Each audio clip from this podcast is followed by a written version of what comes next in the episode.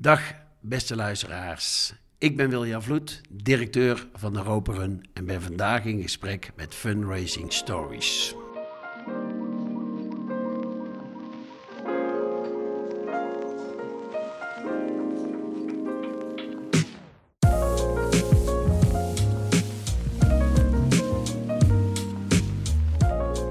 Hallo, dit is Fundraising Stories, een podcast van het vakblad Fondsenwerving. Mijn naam is Petra Hogewerf. We zitten vandaag in Schiedam bij de Ropa Run. Sinds de Ropa Run werd gestart in 1992 is er al 88 miljoen euro bijeengelopen. Bijeengelopen door hardlopers die in estafetteloop vanuit verschillende steden naar Rotterdam lopen. Het doel is palliatieve zorg. We praten hierover met Wiljan Vloed, sinds 18 maanden de directeur van de Ropa Run. Ik ga vandaag met hem in gesprek over hoe het evenement wordt georganiseerd, hoe er geld wordt opgehaald, maar ook hoe hij omgaat met de toenemende concurrentie van andere goede doelen. Welkom.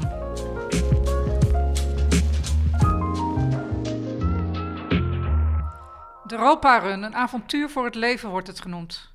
Dat blijkt ook uit het motto wat ze al jaren gebruiken. Leven toevoegen aan de dagen, waar vaak geen dagen meer kunnen worden toegevoegd aan het leven. Ik zit op het bedrijventerrein in Schiedam, waar de Europa Run is gevestigd. En naast mij zit directeur Wiljan Vloed. En ik ben, ga met jou in gesprek over de Europa Run en misschien ook over de voetballerij waar jij vandaan komt. Ja, nee, eh, prima. Ik heb daar uh, inderdaad in die voetballerij gewerkt. Uh, langer dan dat ik nu bij de Europa Run zit. Maar bij de Europa Run zit ik ondertussen ook alweer 18 maanden. Ja, want je, je, misschien even, jouw achtergrond is dat je trainer bent geweest, uh, coach, uh, technisch directeur, manager voetbalzaken. Eigenlijk je hele leven bestond uit voetbal en dan voor hele bijzondere clubs. Zoals NEC, Sparta, ADO en PSV. Uh, dat zijn toch ook wel een beetje familieclubs? Jawel, ik heb nog meer familieclubs gehad hoor. Want FC Den Bosch en uh, Roda zijn ook heel erg familiaire clubs. Maar kijk, eigenlijk. Zegt dat is... iets over jou? Ja, nee, het zegt zeker iets over mij. Uh, kijk, uh, maar eigenlijk moet je nog een stap verder teruggaan. Voordat ik in die voetballerij kwam, was ik 16 jaar werkzaam in de jeugdhulpverlening.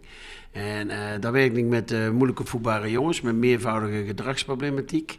En dat heb ik 16 jaar met heel veel plezier gedaan. Alleen mijn passie was voetballen. En in je leven heb je toch een bepaalde moment dat je zegt: ik wil het maximale ergens uithalen. En dat was mijn droom. Ik wilde het maximale uit mijn voetballerij halen, het allerhoogste.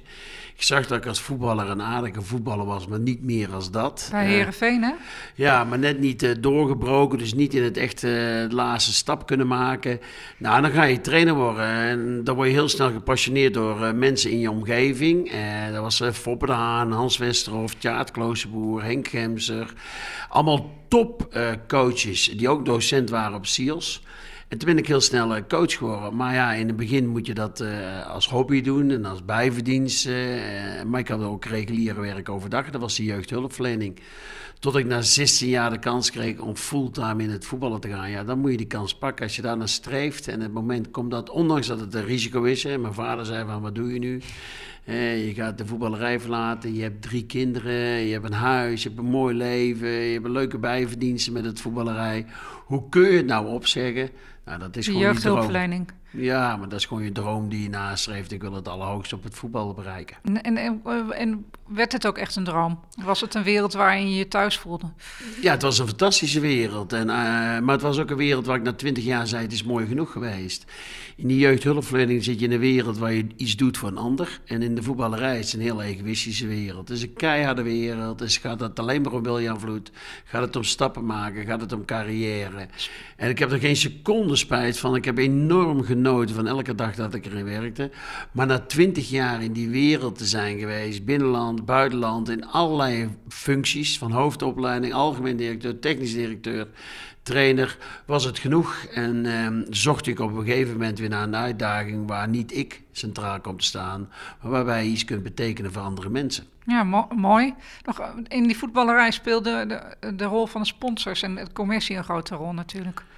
Nou ja, kijk, in, zoals, in, uh, zoals in elke werkveld heb je krachtenveld uh, om je heen. In die voetballerij is je krachtenveld enorm. Hè? Je hebt supporters die denken dat ze eigenaar zijn van de voetbalclub. Je hebt sponsors die een klein bedrag doen en in één keer denken dat ze daardoor alles te zeggen hebben. Uh, je hebt mensen die denken, ja, ik, heb, ik zie voetbal op tv en ik heb er verstand van, dus ik heb mijn mening. Uh, in heel veel functies in de voetballerij heb je ook helemaal geen diploma nodig. Hè? Dus je hebt ook helemaal geen bevoegdheid. Hè? Je kunt makkelijk directeur worden van de voetbalclub, ondanks dat je geen opleiding daarvoor hebt. Dus iedereen heeft een mening. En in die krachtenveld is dat enorm. Uh, het heeft natuurlijk ook zo mee te maken. Je kunt de krant niet openslaan. Als je vandaag de Volkskrant of NRC Handelsblad leest. Het gaat ook over het Nederlands elftal op de voorpagina. Ondanks dat de wereld in brand staat, gaat het erover. De wedstrijd die het Nederlands elftal heeft gespeeld in West-Rusland. En uh, dat is voorpagina nieuws. Dus die emotie die die sport met zich meebrengt, ja, is enorm. En is dat ook het grote verschil met uh, de jeugdhulpverlening of met Europa? Nee, doet dat iets met je als mens? Ja, het heeft geweldig veel. Uh, ja, ik ben absoluut veranderd. In, in, de zin dat je probeert in je privéleven zoveel mogelijk dezelfde te blijven. Maar je ontkomt er niet aan als je twintig jaar uh, blootgesteld wordt aan een uh, wereld waarbij iedereen een mening over je heeft. Hè. Elke week was er een openbaar functioneringsgesprek, noem ik het al. Maar mensen keken, mensen hadden een oordeel jou. Soms fantastisch, soms vernietigend. Heeft dat met name invloed in je omgeving, hè, je kinderen, je gezin. En uiteindelijk komt het ook bij jou terecht. Hè? Want ik heb ervoor gekozen om dit werkveld te doen. Maar je omgeving wordt ermee geconfronteerd. En je merkt, ja, als je wint en uh, je komt bij de bakker, word je meteen geholpen. Verlies je, dan sta je iets langer te wachten voordat je je boterhammetje krijgt. Dus ja, mensen weten het, mensen volgen Terwijl je eigenlijk denkt, ja, het is mijn vak. En ik snap er dat er veel mensen mee bezighouden. Maar het is bizar hoeveel invloed het heeft en hoeveel mensen uh, denken dat ze een mening mogen en kunnen hebben. Ja, Nee, want ik heb in de voorbereiding hiervan uh, ook de nodige interviews gelezen over jou, waar inderdaad veel meningen worden gezet, uh, die altijd in relatie zijn eigenlijk tot de successen die je dan als voetbalcoach, trainer hebt. Ja. Ja, kijk, de, de, voetbalwereld is gewoon een hele oppervlakkige wereld. Ik heb, uh, denk ik, misschien vijf interviews gegeven waar ik echt de diepte in ben gegaan over mijn werk. En hoe ik werk en hoe ik met mensen werk. En wat mijn visie is op bewegende mensen. Wat mijn visie is op topsport. Daar kom je amper aan toe. Het zijn maar oppervlakkige verhalen, sensatieverhalen die heel erg gebaseerd zijn op de buitenkant. Maar in je werk, wat ik doe en die ik heel serieus neem, ben ik altijd juist de diepte dingen gegaan. Ik ben continu op innovatie geweest, continu vernieuwend geweest, continu nieuwe stappen gemaakt. En dan je merkt gewoon in de voetballerij dat dat helemaal niet op prijs wordt gesteld. Het gaat maar om één ding, niet hoe of wat ik doe. Ook al zou ik de hele week in een sauna zitten en wij winnen tien keer op rij, ben ik de beste trainer die er is. Dus het betekent dat je heel erg op je uiterlijk wordt uh, beoordeeld, op uiterlijk. En dat is het resultaat. Nou ja, uh, mensen zoals ik, die hebben een top, vinden wij, gehaald als wij met de, in het betaald voetbal kunnen en mogen werken. Nou, als je dat dan zo lang doet, heb je fantastisch gedaan. Alleen ja, je bent geen topcoach in de zin dat je bij de top van Nederland hebt mogen werken. Dus de kans dat je kampioen wordt is klein. Dus dat je meer verliest dan wint is veel groter. Ja. ja, en dat betekent dat je altijd onder spanning staat en altijd onder druk staat en altijd iedereen maar een negatieve mening heeft. Ja. En de, nog, de, want je hebt in de jeugdhulpverlening 16 jaar gewerkt, in die topvoetbal 20 jaar. Uh, en je zegt, ik heb ook een speciale visie op hoe ik met mensen werk. Je bent nu verantwoordelijk voor de Europa Run, waar heel veel mensen aan meedoen, heel veel vrijwilligers werken met een heel klein team. Kan, kan je iets zeggen over die visie die je had als, als voetballer, uh, uh, trainer? Heb je die hier kunnen doorvoeren? Nou ja, kijk, het is natuurlijk wel iets, iets anders. Hè? Maar ook hier ga ik eh, op een bepaalde manier met mensen om. Hè? Als je alleen al kijkt naar het kantoor, wat inderdaad een kleine gezelschap... Er zijn zeven mensen die hier werken, met een x-aantal vrijwilligers. Uh, ik geloof altijd dat een mens beïnvloedbaar is en dus een mens veranderbaar is. Uh, ik geloof dat de omgeving waarin je werkt invloed heeft op je gedrag. Uh, dus als je een omgeving hebt die uh, ambitieus is, aangepast is, dan doet dat iets met mensen. Daar geloof ik in. Dus dat heb ik in de jeugdhulpverlening gedaan. Hè, dat ik altijd een omgeving had waar ik jongens deed prikkelen, dat ze uitgedaagd werden. Ik heb dat altijd in de voetballerij gedaan en dat heb ik hier ook gedaan. Een van mijn eerste daden was het kantoor wat veranderen. Omdat ik denk van, nou ja, past het wel? Moeten we niet een andere ruimte? Zou daar niet beter de eettafel staan? En uiteindelijk zie je dat mensen daar in beweging komen. Nou, dat is één wat heel duidelijk overeenkomstig Dus, is. dus je verandert de omgeving, waardoor de mensen veranderen. Ja, dat geloof ik echt. Het is conditioneren Ja. van de mens, Ja. hè, zoals het zo mooi heet. eh Ja. operante conditionering, zoals het echt heet. Eh, nou, dat, dat is een beetje je levenshouding. Dat je dat denkt dat je mensen kunt beïnvloeden door middel van de omgeving. Wel altijd een appel doet op dezelfde prikkel. En als je daar een goede, ambitieuze omgeving doet, dan zie je mensen in verandering komen. Daar geloof ik in. Ik geloof ook ontzettend veel in cijfers. Ik heb in de hulpverlening heel veel met cijfers gewerkt, omdat ik geloof dat cijfers mensen motiveren. In de voetballerij heb ik heel veel met cijfers gewerkt en hier ook. Eh, vertellen dat iedereen gelukkig is, ja, is leuk. Maar als ik ieder gemiddelde eh, vrijwilliger een 7 geef, is dat herkenbaarder. Want gelukkig, wat is gelukkig? Ja. En wat is blij en wat is fijn?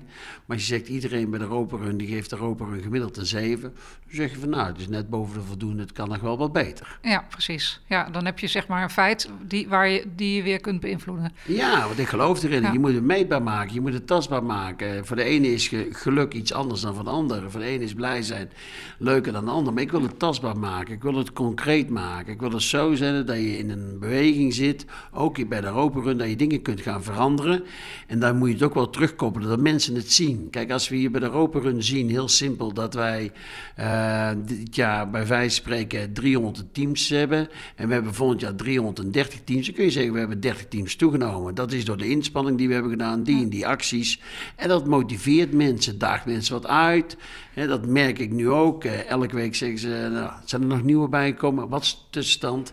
Betekent dat er wat leven, wat roering aan het komen Ik, ik heb is. nog niet echt een thermometer zien hangen hier. Nee, nee, maar dat komt daar bij ons op de site. Als je eraan tikt, staat precies op hoeveel minuten het nog duurt voordat Ja. de run plaatsvindt. En dan staat precies op hoeveel guldens ze binnen hebben gekregen. Iets van 50.000 hè, op dit ja, moment. op dit moment Ja, nog eh, is het natuurlijk eh, een laag bedrag, maar dat gaat groeien dadelijk Ja. als wat meer activiteit. En we staan alweer op 318 teams. Dat betekent dat wij weer heel dicht op het aantal van het afgelopen jaar komen. En we hebben daar toch de lat wel hoger neergelegd. Ja. Nog even over je overstap vanuit die voetballerij eh, naar de Europa Run. Eh, want je zei, eh, ik wil, wilde meer betekenis gaan geven aan mijn leven. Ehm, waarom heb je voor de Europa Run gekozen?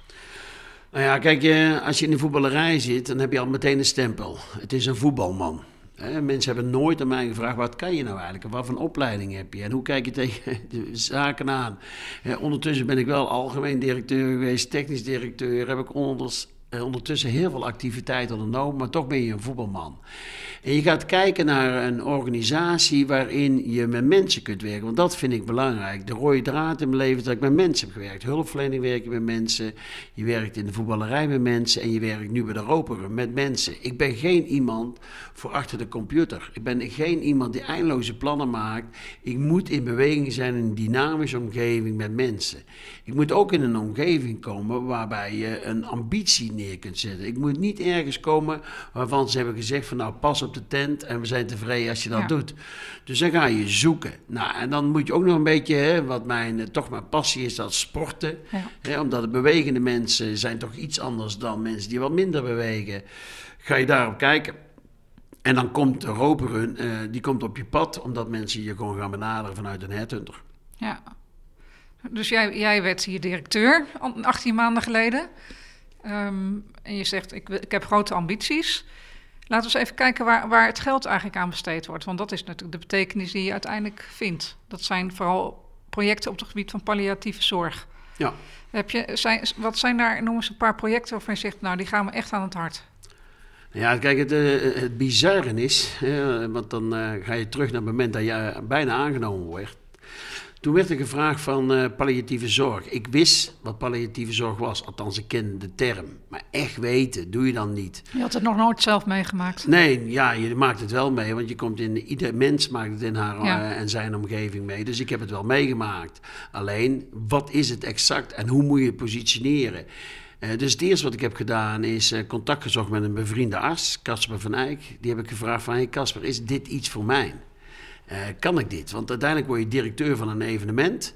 En uiteindelijk kom je alleen maar het evenement, hè, want het doel van het evenement is zoveel mogelijk geld op te halen voor die palliatieve zorg. Past dat bij mij? Kan ik dat emotioneel aan? Ben ik in staat om een boodschap te doen? Want uiteindelijk moet je met omgaan met mensen die in een eindfase van hun leven zijn. Ja. Ehm, het is nou, een zwaar onderwerp. Het is een zwaar onderwerp. Hè? begrippen als sterven en kanker komt door een moe. Maar het zijn ook, eigenlijk moet je niet over de dood denken. Eigenlijk moet je nou denken in de laatste fase over het leven. Wat kan het leven nog mooi zijn om zo te eindigen dan dat je alleen maar denkt aan de dood. Dat je, dat je in liefde, zeg maar, kunt heen gaan. Exact, uh, in plezier. Hè? En eigenlijk dat je kunt sterven zoals je misschien wel geleefd hebt. En niet ergens achteraf alleen in een kamertje, terwijl je het hele leven midden tussen de mensen hebt gestaan. Dan moet je eigenlijk sterven tussen de mensen. En toen zei Casper van Eyck tegen mij van, uh, luister eens Wiljan, het is zwaar. Ehm, je, je, moet ermee leren omgaan. Uh, je raakt er eigenlijk nooit aan gewend, maar je leert het wel een plek te geven. En nou, toen heb ik ja gezegd. En ja, dan ga je kijken van palliatieve zorg. En dan kom je de eerste dagen kom je dan bij evenementen zoals het uh, Prinses uh, Maxima ziekenhuis. Waar jonge kinderen geconfronteerd worden met de ziekte kanker. Ja, en, en, en dan zie je die kinderen. En eigenlijk heb ik toen ja, niet meer die emoties gevoel van verdriet. Maar eigenlijk de emoties van vreugde. Wat hm. is dit toch fantastisch. En op dat moment besefte ik, ja, dit heb ik voor gekozen. En nu heb ik betekenis voor iemand. Er is een speeltuin geopend in het Prinses Maxima ziekenhuis.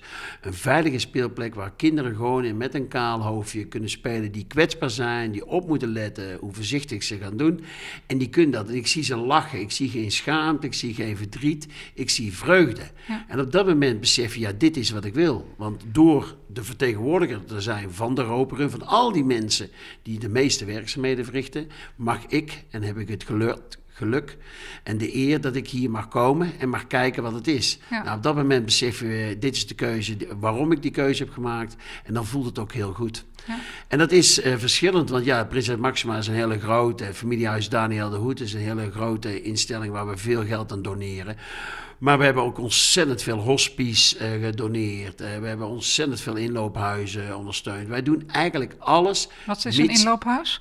Een inloophuis is mensen die uh, met de ziekte kanker hebben, mensen die een plekje hebben gegeven, mensen die redelijk genezen zijn, mensen die in de fase zitten van herstel, mensen die in de fase zitten van afronding misschien wel, dat die elkaar daar tegenkomen en eigenlijk heel laagdrempelig met elkaar overdag wat activiteiten doen. Een gesprek hebben, een knutsel, een yogamiddag, een kopje soep eten, een gesprek met een vrijwilliger.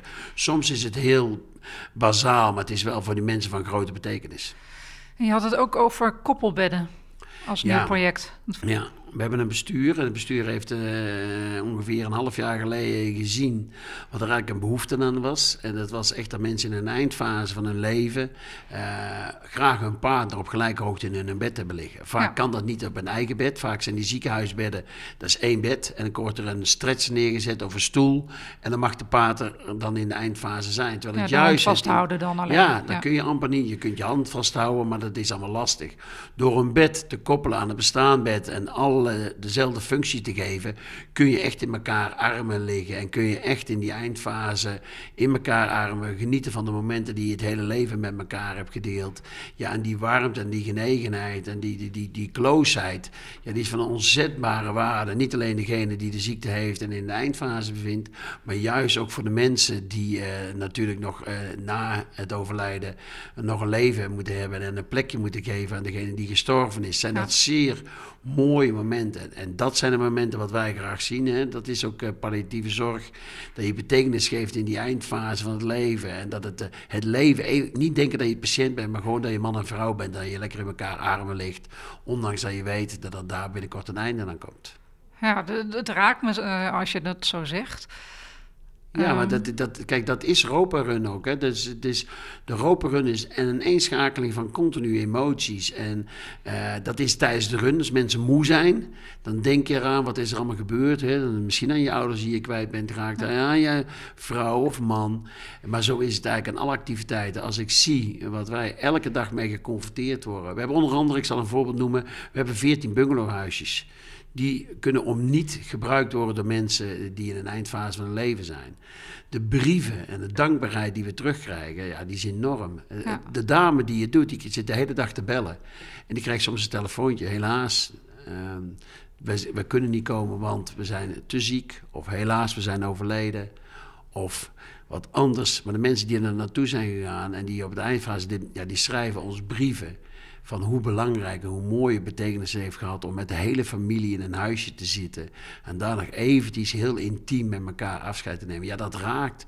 Dus ja, aan verhalen en aan gevoelens is hier uh, ja, de hele dag door geen gebrek. Nee. We, gaan uh, naar het event zelf. Hè? Uh, want daar lopen dus ook heel veel mensen mee. Ze lopen vanaf verschillende steden, Almelo, Bremen en Parijs, richting Rotterdam. Zitten daar heel veel mensen bij die ook inderdaad familieleden hebben verloren? Allemaal. Ik kan bijna ook niemand meer ontdekken die eigenlijk in uh, de, dit leven niet iemand mee heeft gemaakt die met uh, uh, aan overleden is aan de ziekte kanker. Dat is enorm. En dat is ook vaak de eerste reden waarom mensen starten. Hè. Kijk, wij hebben twee manieren. We hebben natuurlijk heel veel teams hebben wij. En Bremen, Almelo, de halve en Parijs. Hè. Parijs en Bremen voor de hele Europa Run en de halve in Almelo. Zijn bijna allemaal teams die ergens mee gestart zijn. En vaak kan het ook vanuit een bedrijf zijn, hè, dat iemand het meemaakt en dan toch een soort teambuilding ziet, maar altijd in een hart toch meenemen. En in je kwetsbaarheid, als je drie dagen continu uh, actief bent met Europa Run, dan is elk mens kwetsbaar. Dan denk je in die soort momenten, denk je toch aan je naasten die je op een gegeven moment verloren hebt. Ja. Want de Europa Run bestaat dus uit, uit teams uh, die elk zo'n 540 kilometer lopen in een estafette. En daaromheen zijn een aantal verzorgers die meereizen. Ja, het team bestaat ongeveer uit 25 mensen. Je hebt acht lopers. Die inderdaad die 540, 560, hè, afhankelijk waar je start, uh, Bremen of uh, Parijs meelopen, die acht lopen. Dan heb je vaak zes fietsers, dan ben je er veertien. Ja, en dan heb je vaak wat masseurs, mensen die voor de catering zorgen, een teamcaptain, eh, die hebben wij die alles regelt. Mensen die de route rijden, busjes rijden. Dus ja, je hebt een heel team van ongeveer 25 uh, mensen. Va vaak bestaan uit één grote vrachtwagen, twee kleine busjes. Ja, en dan wat fietsen die je mee moet nemen onderweg. Ja, en die starten dan op zaterdagmiddag en die komen dan op maandagmiddag in Rotterdam aan. Ja, wat een avontuur inderdaad, hè? Ja, het is een avontuur. Hè. We hebben uh, ook wel heel na lang nagedacht van... Hè, je begint net met je openingszin van wat hebben we. We hebben voor het nieuwe slogan gemaakt. Die heet de, de Run op het Leven. Omdat we hebben gezegd van hè, een avontuur is het inderdaad voor de deelnemers. Maar we moeten wat meer ook denken aan het leven. De Run, dus omdat het een evenement is, op. Ja. Omdat het een beetje Rotterdams is. En het leven, omdat het inderdaad ook heel erg plezierig moet zijn. Het moet geen wedstrijd zijn. Mensen moeten inderdaad genieten en moeten een belevenis hebben... waar ze jaren aan terugdenken denken. En ja, het is inderdaad als je start en je bent in Parijs en je bent er met 230 teams, maal 25, met uh, twee busjes vrachtwagen per team. Uh, ik denk daar ook ongeveer een 100 vrijwilligers van ons zijn, want we hebben in totaliteit 500 vrijwilligers. En je gaat er staan en je gaat dat allemaal wachten met de finish. En je gaat uh, de start meemaken. Ja, dan voel je, net wat wij net ook voelen op het moment dat je de verhalen vertelt dan voel je het. En dan sta je daar te wachten met al die mensen die dadelijk gaan vertrekken, die af gaan zien voor die tocht, die iets doen voor een ander. Ja, dat is, dat is indrukwekkend. Dat is, uh, als je bij de Roperun, hè, ze hadden mij wel verteld, en al die sollicitatiegesprekken en dit en dat, ja. en dan ga je aan de slag. Maar dan voel je het echt. En ik denk, als je dat een paar keer mee hebt gemaakt, ja, dan gaat het nooit meer uit je lijf. Ja. Nou, zijn, nou wordt er zo'n 5 miljoen opgehaald per jaar? Ja, afgelopen jaar hebben wij uh, 5,6 opgehaald uh, in de boeken. zal 6,3 staan, maar wij doen altijd communiceren op de slotfeest. Ja. Dan maken we gewoon bekend wat staat er bij ons op de bank. En bij ons op dat moment stond op de bank uh, 5,6. Dat hebben we gecommuniceerd. Maar we hadden ook nog een actie met Maarten van der Weijden. Uh, waar we wat koppelbedden in hebben gezet in de Friesland. Als dank en voor de inzet hebben we ook een bepaalde donatie gekregen. Plus, altijd na zijn slotfeest komen er nog enkele betalingen binnen. Dus uiteindelijk zal het in de boeken gaan komen 6,3. Ja. Nou zijn het steeds meer evenementen, ook de andere goede doelen georganiseerd. Jullie zijn de tweede hè, van de top evenementen. Uh, na d'Huez zijn jullie de tweede. Hebben jullie daar last van? Dat, dat er steeds meer goede doelen denken van... ik ga ook een evenement organiseren of later organiseren? Ja, nou, het is uh, bijna iedereen organiseert wordt een, uh, of maakt een koppeling met een goed doel. Het is, uh, we hebben moordende concurrentie. En daarom is het ook heel duidelijk dat we veel dingen moesten veranderen. Want stilstand is geen optie. Als wij stil zouden blijven staan, zoals het in de periode voor me is geweest, dat is geen kritiek. Maar het is met name te maken dat er toen ontzettend veel vrijwilligers waren die de hele dagelijkse operationele zaken onder zich hadden. Ook het strategisch beleid uitvoerden. Dus overdag een baan hadden, dan elke avond gingen vergaderen. Hebben nu een veel meer professionele kantoor neergezet, waarbij het kantoor veel strategischer handelt. Nou, en wij moeten dat, want als we die ontwikkeling niet zouden hebben gemaakt en alleen maar af zouden wachten, ja, dan worden we ingehaald door uh, A, heel veel evenementen die dat koppelen aan een goed doel. Want ja, je kunt bijvoorbeeld, de, ik ben op bezoek geweest bij de Vierdaagse, maar die hebben gewoon last dat mensen lopen in een shirtje voor een goed doel. Die zouden veel liever weer zien dat iedereen keurig netjes in de uitverloop een compleet wit en daarmee de wandeltocht volbrengen. Maar mensen lopen voor een goed doel. Het uh, Rotterdamse Marathon, die hebben een deal gemaakt met KWF. En maar je ziet ook dat bijvoorbeeld het Wereld Natuurfonds een x-aantal donaties verloren hebben, donateurs verloren zijn. Ja, die gaan nu activiteiten organiseren. Nou, ik denk wel dat wij een voorsprong hebben. En wij zijn nog steeds het enige uh, bedrijf wat en een evenement eh, verzorgt en het geld ook uitdeelt. Met een hele strikte scheiding. En we zijn denk ik het enige die echt op een teambuilding uh, activiteit uh, doet. Want het is natuurlijk bijzonder als ja. je vier dagen lang continu met je collega's in één busje zit, slaapt, emoties gaat delen. Dat is wel iets anders dan dat je tegenover elkaar zit op ja. kantoor in volledige kledij. Nou loop ik uh, ook hard en ik heb ook de Dam tot Dam gedaan bijvoorbeeld voor Fonds Slachtofferhulp. Um, en dit jaar bij de Rotterdam Marathon gewoon gelopen. En dan inderdaad word je bijna omver gelopen door, door, al die mensen die voor een goed doel lopen. En die ook vaak helemaal niet getraind zijn. Ik denk dat er ook wel een gevaar aan zit. Ja. Helpen jullie je, je uh, vrijwilligers dat ze ook echt fit zijn en dat er geen risico's zijn voor hun gezondheid? Ja, absoluut. Absoluut. Kijk, wij hebben uh, twee dingen. Bij ons over het algemeen zijn het lopers die getraind zijn. Het is natuurlijk altijd afwachten hoe het is, maar door een grens te stellen van het minimum snelheid die we hebben, maar ook een grens te stellen van een maximum snelheid, gemiddelde snelheid, dwing je al een bepaald niveau te hebben. Geen één loper bij ons is ongetraind, omdat je op 11 km per uur gemiddeld moet komen. Dat haal je niet. Als je ongetraind bent, kun je geen 11 km. Maar ik zou het niet kunnen hoor.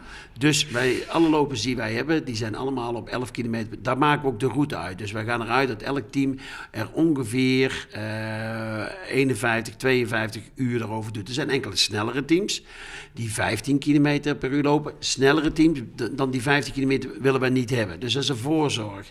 Daarbij hebben we het hele jaar clinics die door de teambijeenkomsten worden georganiseerd om mensen duidelijk te maken wat het inhoudt om twee kilometer te lopen, rust, twee, weer twee kilometer lopen, rust, weer twee kilometer. Dan uiteindelijk als je zo vier uur dat volgebracht hebt, dan mag je vier uurtjes slapen, dan ga je weer vier uur om de twee kilometer lopen. Dat is pittig. Uh, dus we maken kenbaar. We hebben Bram Som als ambassadeur die uh, heel veel tips uh, geeft naar de teams. Dus we zijn met het begrip veiligheid zijn we continu bezig. En ik heb in het, dit jaar inderdaad de marathon zien lopen. Niet alleen hier in Rotterdam, maar ook ergens anders. Waarvan ik denk het is onverantwoord. Mensen die mee willen doen om mee te doen. Maar ja, ik, ik wil het niet. Ik wil gewoon, mijn allerbelangrijkste is hoe belangrijk het is om het geld op te halen voor het goede doel. Wat er bovenaan staat. Hè. Als je onze missie ook ziet, is dat hè, onmisbaar zijn ja. in palliatieve zorg. Maar het allerbelangrijkste wat ik heb in die vier dagen is één ding: dat iedereen veilig naar Rotterdam komt. En ook daarna weer terug naar hun woonplaats. Want mensen uit heel Nederland die moe zijn, die moeten s'avonds ook weer om acht uur naar huis. Daarom doen wij om acht uur geen feestje meer. Dan zeggen we mensen moeten veilig naar huis komen. En dat feest is altijd later. Ja, ja daarom. Ja. Dat feest doen we drie weken later. Ja, Laten we eens naar de. Uh, je zegt we hebben uh, twee kanten. De bestedingskant hebben we eigenlijk net gehad. Uh, jullie hebben ook een stichting en een BV. Uh, dus die governance is de afgelopen tijd anders ingericht bij jullie? Ja, we hadden vroeger twee stichtingen. Stichting Evenementen en Stichting uh, Roperen. En Stichting Evenementen, die, en die hadden gezamenlijk één overkappelend bestuur. Nu hebben we dat wat anders gedaan. We hebben een heel duidelijke nieuwe government structuur gemaakt. Voor mijn tijd. Dat is, uh, mijn voorganger heeft dat gerealiseerd. Waarbij we duidelijk een bestuur hebben, Roperen. Daarboven een raad van toezicht. En het bestuur is eigenlijk de enige die verantwoordelijk is voor het verdelen van al het geld van de goede doelen. Ja. Dus al het geld wat bij de teams op wordt gehaald en het verplicht kopen van loodjes, wat de teams moeten doen, uh, dat verdeelt het bestuur. Het bestuur is enige aandeelhouder en als zodanig ook opdrachtgever naar het Ropement BV boven mij, want ik ben dan statutair directeur van Ropement BV, staat de raad van commissarissen. Die houden toezicht. Die rol hebben ze gekregen van het bestuur en die houden toezicht op de directeur. En wij zijn eigenlijk verantwoordelijk voor het organiseren van het evenement. Ja, dus er is een scheiding gemaakt tussen waar het geld naartoe gaat en het evenement. Ja, behalve dat het uh, inschrijfgeld is in twee delen neergezet. De ene kant eh, koopt men loten. Teams zijn verplicht voor twee- eh, 2.500 euro loten te kopen. Dat gaat direct naar het bestuur van de stichting. En ze moeten inschrijfgeld betalen. 3000 euro Ja, zo? 3130 euro. Dat gaat naar het ropement en daar wordt het evenement van georganiseerd. Ja. Dan eh, is de fondsenwerving zo ingericht dat, dat vooral die teams aan de slag gaan. Dus ik ben heel benieuwd hoe, hoe, hoe jullie dat vanuit jullie kantoor dan, dan mobiliseren, enthousiasmeren. Nou ja, dat is inderdaad precies wat je zegt. Hè. Wij hebben dus, eh, teams die halen al het geld bij ons op. Wij doen zelf niet echt aan fondsenwerving. Het enige wat wij wel doen is wat commerciële trajecten doen, omdat wij natuurlijk ook wat activiteiten hebben, hè, een kledingsponsor en dergelijke. Maar de teams die halen het geld op. En wat wij daar met name in die rol hebben naar de teams is hun ontzorgen. Dus eigenlijk zorgen wij dat er een stuk ondersteuning komt naar die teams, waardoor ze eh, de weekenden niet alleen maar bezig zijn met het organiseren hoe ze de run gaan doen. Want ze moeten alles zelf regelen. Hun slaapplekken, hun vervoer, alles regelen zelf. Maar dat wij bijvoorbeeld zorgen door goede bijeenkomsten te houden, waarbij ze uitgenodigd worden, dat ze meer kennis krijgen. Maar ook door hele pragmatische zaken, zoals bij wijze spreken onze kledingsponsor, kunnen ze hun shirtjes laten drukken. Waardoor ze al hun eigen sponsor komen. Hoeven ze niet meer over na te denken, hoeven ze niet op een zaterdagochtend mee bezig te zijn. En hebben ze dus tijd en ruimte om die zaterdagochtend te besteden voor eh, pannenkoeken bakken, eh, auto's wassen, collecteren. Ja, dat is enorm als je ziet dat sommige teams daar een ton op halen. Dan Er zitten, ja, de, de, voor eh, mijn boek heb ik ook de Europa Run Almelo geïnterviewd. Eh, en die hadden enorme creativiteit hoe ze Ja. dat allemaal bijeenbrachten. En eh, er was ook een bijeenkomst waar dan de ambassadeur Nelly Koman kwam. Waarin Ja. ze het bedrijfsleven ook mobiliseerden. Dus ze moeten ook nog naast het hardlopen goede fondsenwervers zijn. Ja, dat is fantastisch. Inderdaad, het team wat uit 25 mensen bestaat, er is gewoon een verdeling vaak. Er zijn echt mensen, dat adviseren we ook. Maak een verdeling in je team. Wie is nou goed om ergens geld binnen te halen? Wie is nou goed om een deur te openen? En dat doen we bij die eerste teambijeenkomsten. Dan hebben wij gewoon, dan adviseren wij de teams hoe ze dat het beste kunnen doen. Uiteindelijk zijn de teams ook onze ambassadeurs, want op onze website, website geven ze hen tips, geven ze info. A, hebben we ook een team van voorlichters, die teams voorlichten. En we hebben natuurlijk vijf hele actieve ambassadeurs, buiten Nelly die dit al 25 jaar doet. Hebben een paar hele jonge, frisse mensen die midden in een eh, sportieve carrière zitten, maar die hun met name kunnen helpen om te mobiliseren dat het bedrijfsleven in de regio heel erg eh, ja, open staat om geld te doneren aan die teams. Ja, en de, dat zijn Nelly Koman, Bram Som, Maartje Krekelaar, onder andere. Bas Nijhuis en eh, Maarten de Roon. Ja. En de, hoeveel tijd besteden dit, dit soort ambassadeurs aan de Europa Run? Nou, dat is heel wisselend. Hè? Laten we wel zijn, Nelly heeft al 25 jaar ontelbare uren in de Europa zitten. Ze is bij de start en de finish. De andere ambassadeurs die zijn na mijn eh, aanstelling, eh, die hebben we die geworven. Die beginnen nu steeds meer activiteiten te doen. Soms is het ook makkelijk. Ook hun doen wij ontzorgen. Want wij hebben Twitterberichten maken wij voor hun, dus zodat ze die alleen maar neer hoeven te zetten. Afgelopen vrijdag hebben we een bijeenkomst gehad met alle ambassadeurs. Ja, en de bereidheid om veel activiteiten te doen is groot. Dus Maartje Krekelaars is vanaf eh, bijvoorbeeld na Nelly de Tweede. Ja, die heeft al verschillende bijeenkomsten gevoerd. En die heeft al een hele leuke activiteiten gedaan. En die is ook echt bezig om die jonge medemensen, die we aan het zoeken zijn bij onze vrijwilligers. Want we hebben Ja. 500 vrijwilligers. En er zijn er sommigen die er al 30 jaar meelopen. Dus we zijn ook wel een beetje naar verjongen aan het zoeken. Ja, die mobiliseert zij. En dat doet zij op haar manier binnen haar sportieve carrière. Want dat vinden we wel belangrijk dat dat blijft. En al die tijd daarna besteedt ze aan de Europa Run. Dan hebben we ook nog een comité van aanbeveling. Wat voor mensen zitten daarin? Ja, daar zitten over het algemeen mensen uit de medische wereld in. En eh, Yvonne de Boer vanuit Haarwensen. Dat is een eh, bijzonder die al heel lang betrokken is. Omdat we daar activiteiten hebben gedaan die in het begin heel duidelijk kan uitleggen wat voor meerwaarde het heeft. Dat mensen pruiken kunnen krijgen. Hè? Dat ze toch hun eigen waarde kunnen houden. Ja. eh, zelfvertrouwen krijgen. En verder is, zit er in Sander Duhusson, die eh, denk ik op dit moment eh, in heel Nederland eh, langzaam bekend geraakt over de palliatieve zorg. Omdat hij het taboe echt aan het doorbreken is. Dat het niet gaat over het sterven, alleen maar over het leven. Karin de Uil, die op dit moment eh, behoorlijk veel publiciteit trekt over... de hoe heet het, medicijngebruik, de farmaceutische industrie, dat de prijzen van de medicijnen veel te hoog zijn, dat het eigenlijk veel goedkoper kan. En dan hebben we Bernardine sinds kort, dus huisarts, die heel erg gespecialiseerd is in de palliatieve zorg. Die hebben we als uh, vierde uh, comité van aanbevelingen erbij. Maar dat zijn dus meer de, de inhoudelijke mensen die meedenken ook over waar het geld naartoe moet. Ja, omdat je met name ja. in de comité van aanbevelingen hebben heel nadrukkelijk gezegd... wij willen hebben dat elke euro goed bij palliatieve zorg terechtkomt. En wat is palliatieve zorg? Ja. En wat houdt palliatieve zorg in de toekomst in? En wat voor een plek neemt het in tussen de professionele hulpverlening en de mantelzorg? Waar zit dan precies die palliatieve zorg? Nou, en dat kun je beter doen met specialisten die ook de medische kant heel goed kunnen. Want ja, met alle respect, eh, wij zijn geen medicus. Uh, wij zijn mensen die uit het hart dat doen. Vaak meer de mantelzorgers. Maar die palliatieve zorg is net weer wat anders. Hey, je zei net in een uh, bijzin uh, dat jullie ook sponsors werven. Ik las onder andere Masita, die een nieuw kledingpakket heeft verzorgd. Hoe, hoe kunnen sponsors en bedrijven actief worden bij de Europa Run? Nou, Lukt dat principe, ook? In principe graag bellen, dan komen we morgen langs, want we hebben het heel hard nodig. Uh, het is heel moeilijk uh, om sponsoren te zoeken. Dat heeft met uh, verschillende dingen te maken. In heel Nederland is het moeilijk om sponsoren te zoeken voor evenementen. Dat is één. Het tweede wat er is, onze teams hebben heel veel sponsoren een, een, voorbeeld te noemen, elk team heeft bijvoorbeeld een voedingspakket. En de ene haalt dat bij Albert Heijn om bijna niet. Een ander haalt dat bij Jumbo om bijna niet. Een ander haalt dat bij Plus om bijna niet. Dus die bedrijven kunnen wij niet benaderen, want anders haal je een soort ja. cannibalisme. Masita is onze kledingsponsor. Maar zo hebben wij ook een hele mooie bijdrage van Office Center. Waarbij wij dan gewoon wat reclame maken voor hun en, en hun acties voeren, zodat wij wat meer bekendheid uh, krijgen. De leesmap die sponsort ons. Is hartstikke leuk, want het is natuurlijk een traditioneel blad wat uh, op de mat ligt en uh, wat uh, bij, nog steeds bij de kapper en bij veel verpleger en verzorgingstehuizen op de leestafel ligt. Nou, dat is dat. En zo hebben we ook Faber, die geluid en techniek maakt. Ja, die sponsort ons met een fantastisch bedrag.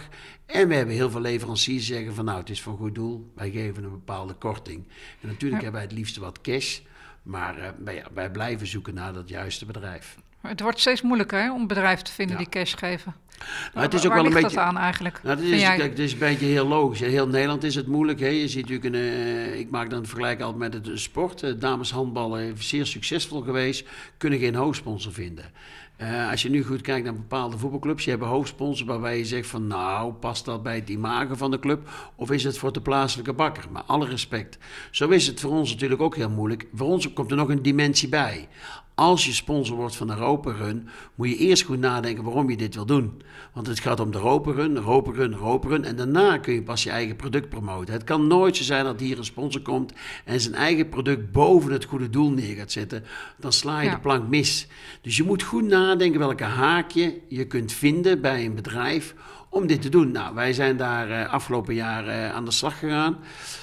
We hebben er een paar hele mooie, zoals kledingsponsor. We zijn nu ook bezig met een mobiliteitssponsor. Dat ziet er goed uit. Dat zijn langdurige trajecten. Ja. Hè, want het bedrijf ook wil niet overkomen als ze over de rug van een goed doel reclame willen maken. Het gaat erover dat eerst dat eh dat er goede doel Roperin voorop staat. Dus Ja, ja je zegt eh, terecht, het zijn langdurige trajecten. Dat weet ik ook uit mijn eigen praktijk, waar wij, wij ook sponsors zoeken voor allerlei goede doelen en maatschappelijke organisaties. En mijn ervaring is ook heel vaak dat, in ieder bij mijn klanten, denken dat je wel even snel een sponsor kunt vinden. Is dat eh, beeld eh, bijvoorbeeld bij jouw raad van toezicht? Zul je dat misschien ook moeten bijstellen? Nou, het eerste was dat ik dat. Ja, Dus ik kwam hier. Ik denk van nou, kijk, zoveel mensen. Dat moet er niet moeilijk zijn om, om voor dit fantastische eh, evenement een goede doel geld te halen. Nou, de eerste die vies tegen is gevallen was het bij mij met name. En eh, moet ik de raad van toezicht en de raad van commissaris een compliment geven. Dat ze zeiden van nou, iets minder ambitieus Wiljan.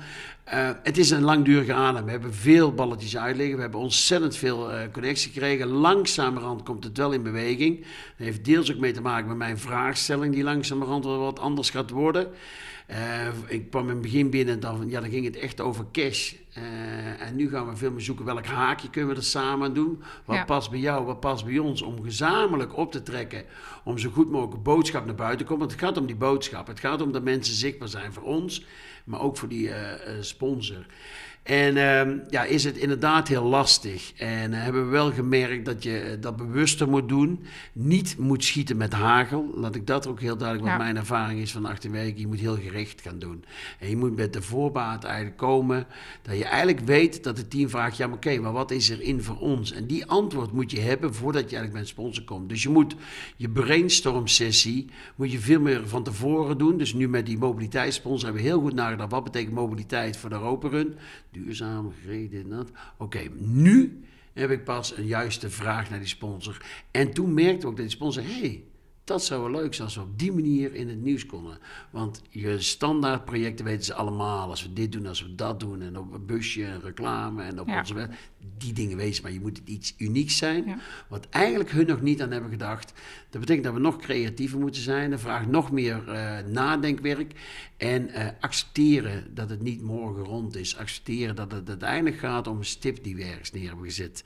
En uh, dat, het is een relatie, het is, het is, het is, een, uh, het is geen geldgeven, het is een samenwerking die je opzoekt. Ja. En samenwerking is dat je mekaars doelstellingen erkent en dat je wat meer tijd verneemt om dat goed te onder onderzoeken. Ja, de eerste die, die ik sprak bij de podcast was Ilko van der Linden. Die zei ook, ik heb het nooit meer over het woord sponsors. Het zijn ja. gewoon samenwerkingspartners. Ja, klopt. Dat zeg jij nu ook eigenlijk weer. Ja, dat zeg je ook omdat je ergens. En daarom willen wij. Uh, ik heb een sponsor afgewezen voor één jaar. Want die wilde echt alleen maar sponsoren voor één jaar. En die wilde zijn boodschap keihard naar buiten brengen. Het ging dan niet over een bedrag waar ik zeg van nou dan gooi ik al mijn normen en waarden over weg. Maar dit was iets waarvan ik denk dat levert meer negativiteit op. En wat sta ik over een jaar? Sta ik met veel grotere achterstand. Ik wil hebben, met Masita zijn we bezig om te samenwerken voor meerdere jaren. Hoe kunnen we die vormgeven? Hoe kunnen we iets voor jullie betekenen? Zonder dat het te dik bovenop ligt. En hoe kun je iets voor ons betekenen? Dan ga je samen groeien naar iets leuks. En dat vind ik het mooiste om dat te ontdekken. Ja, en die, in, in die samenwerking zullen ook wel weer brainstorm sessies samen met dat bedrijf zijn, denk ik. Ja, en nog sterker, we zijn nu drie bedrijven bij elkaar die aan het brainstormen zijn. Dat is natuurlijk het mooiste. Hè? Wij hebben niet echt een, een, avond voor sponsors dat ze nog eens een keer kunnen gaan bieden op een uh, bepaald mooi stuk wat ze willen hebben. Nee, we hebben bedankavond en daar komen de sponsors gewoon bij elkaar en dan danken we ze, geven ze een drankje en een hapje. En uiteindelijk groeit erop dat ze bij elkaar zitten. Als we nu met drie partijen dit nou eens gaan doen, ja, dat zijn de mooiste uitdagingen. Want dan heb je iets met elkaar, dan deel je iets bij elkaar elkaar. En eigenlijk is dat ook wat Ropa Run is. Ropa Run is verbindend, is samenhangend, is dat teamgevoel.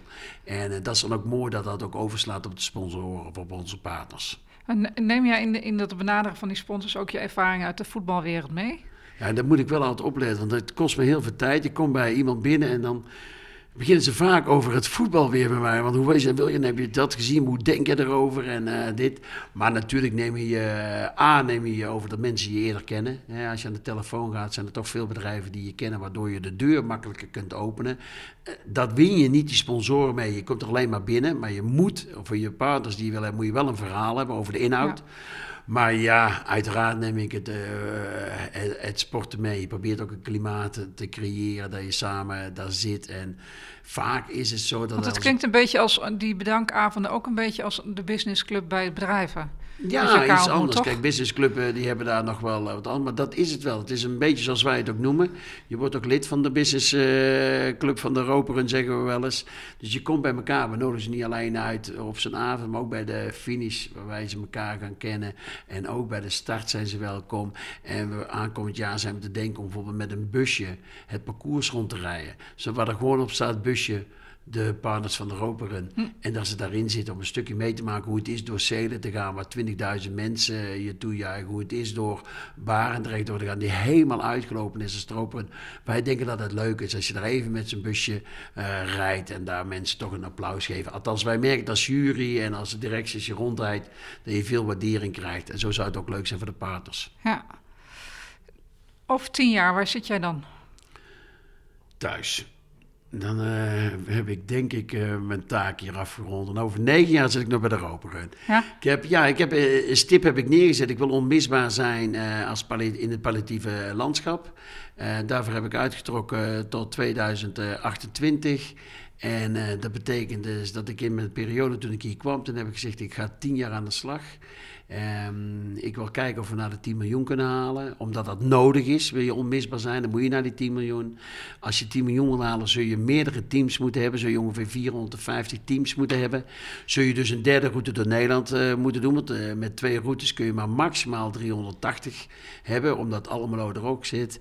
Dan denk ik dat het kantoor echt wat een strategisch kantoor is. Uh, dan hebben we drie routes. En ik denk dat we als we drie routes hebben door heel Nederland. Dan komen we van Limburg naar Amsterdam toe en van uh, Groningen naar Rotterdam en heel Nederland hebben we dan.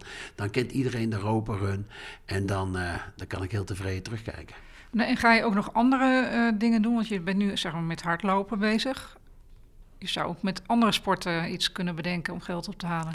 Ja, maar we hebben. Of houden jullie vast aan de run? Nou, in, in, principe is dit de enige activiteit die er is. En ik denk dat we dit nog lang niet genoeg neer hebben gezet. Dat we hier nog veel ontwikkeling krijgen om zo'n run te organiseren tijdens het Pinksterweekend hebben we ook nog eens een keer 15 activiteiten door het uh, jaar heen. Teambijeenkomsten, uh, waar 1200 mensen komen. Je 500 uh, vrijwilligers bezighouden met opleiding en scholing.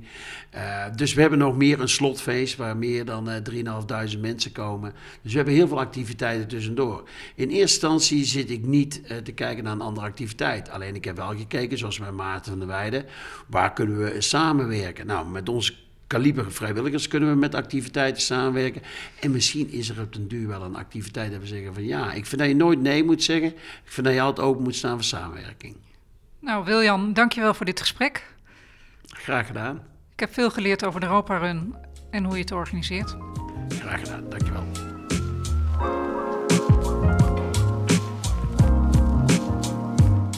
Leuk dat je luisterde naar Fundraising Stories van Vakblad Fondsenwerving in samenwerking met Verleda, geproduceerd door Marijn Thijs. Over twee weken verschijnt er een nieuwe aflevering uit deze serie. Abonneer je via je favoriete podcast-app en je krijgt automatisch bericht wanneer de nieuwste aflevering online verschijnt. En vergeet niet 5 sterretjes te geven als je dit een inspirerende, interessante of leerzame podcast vindt.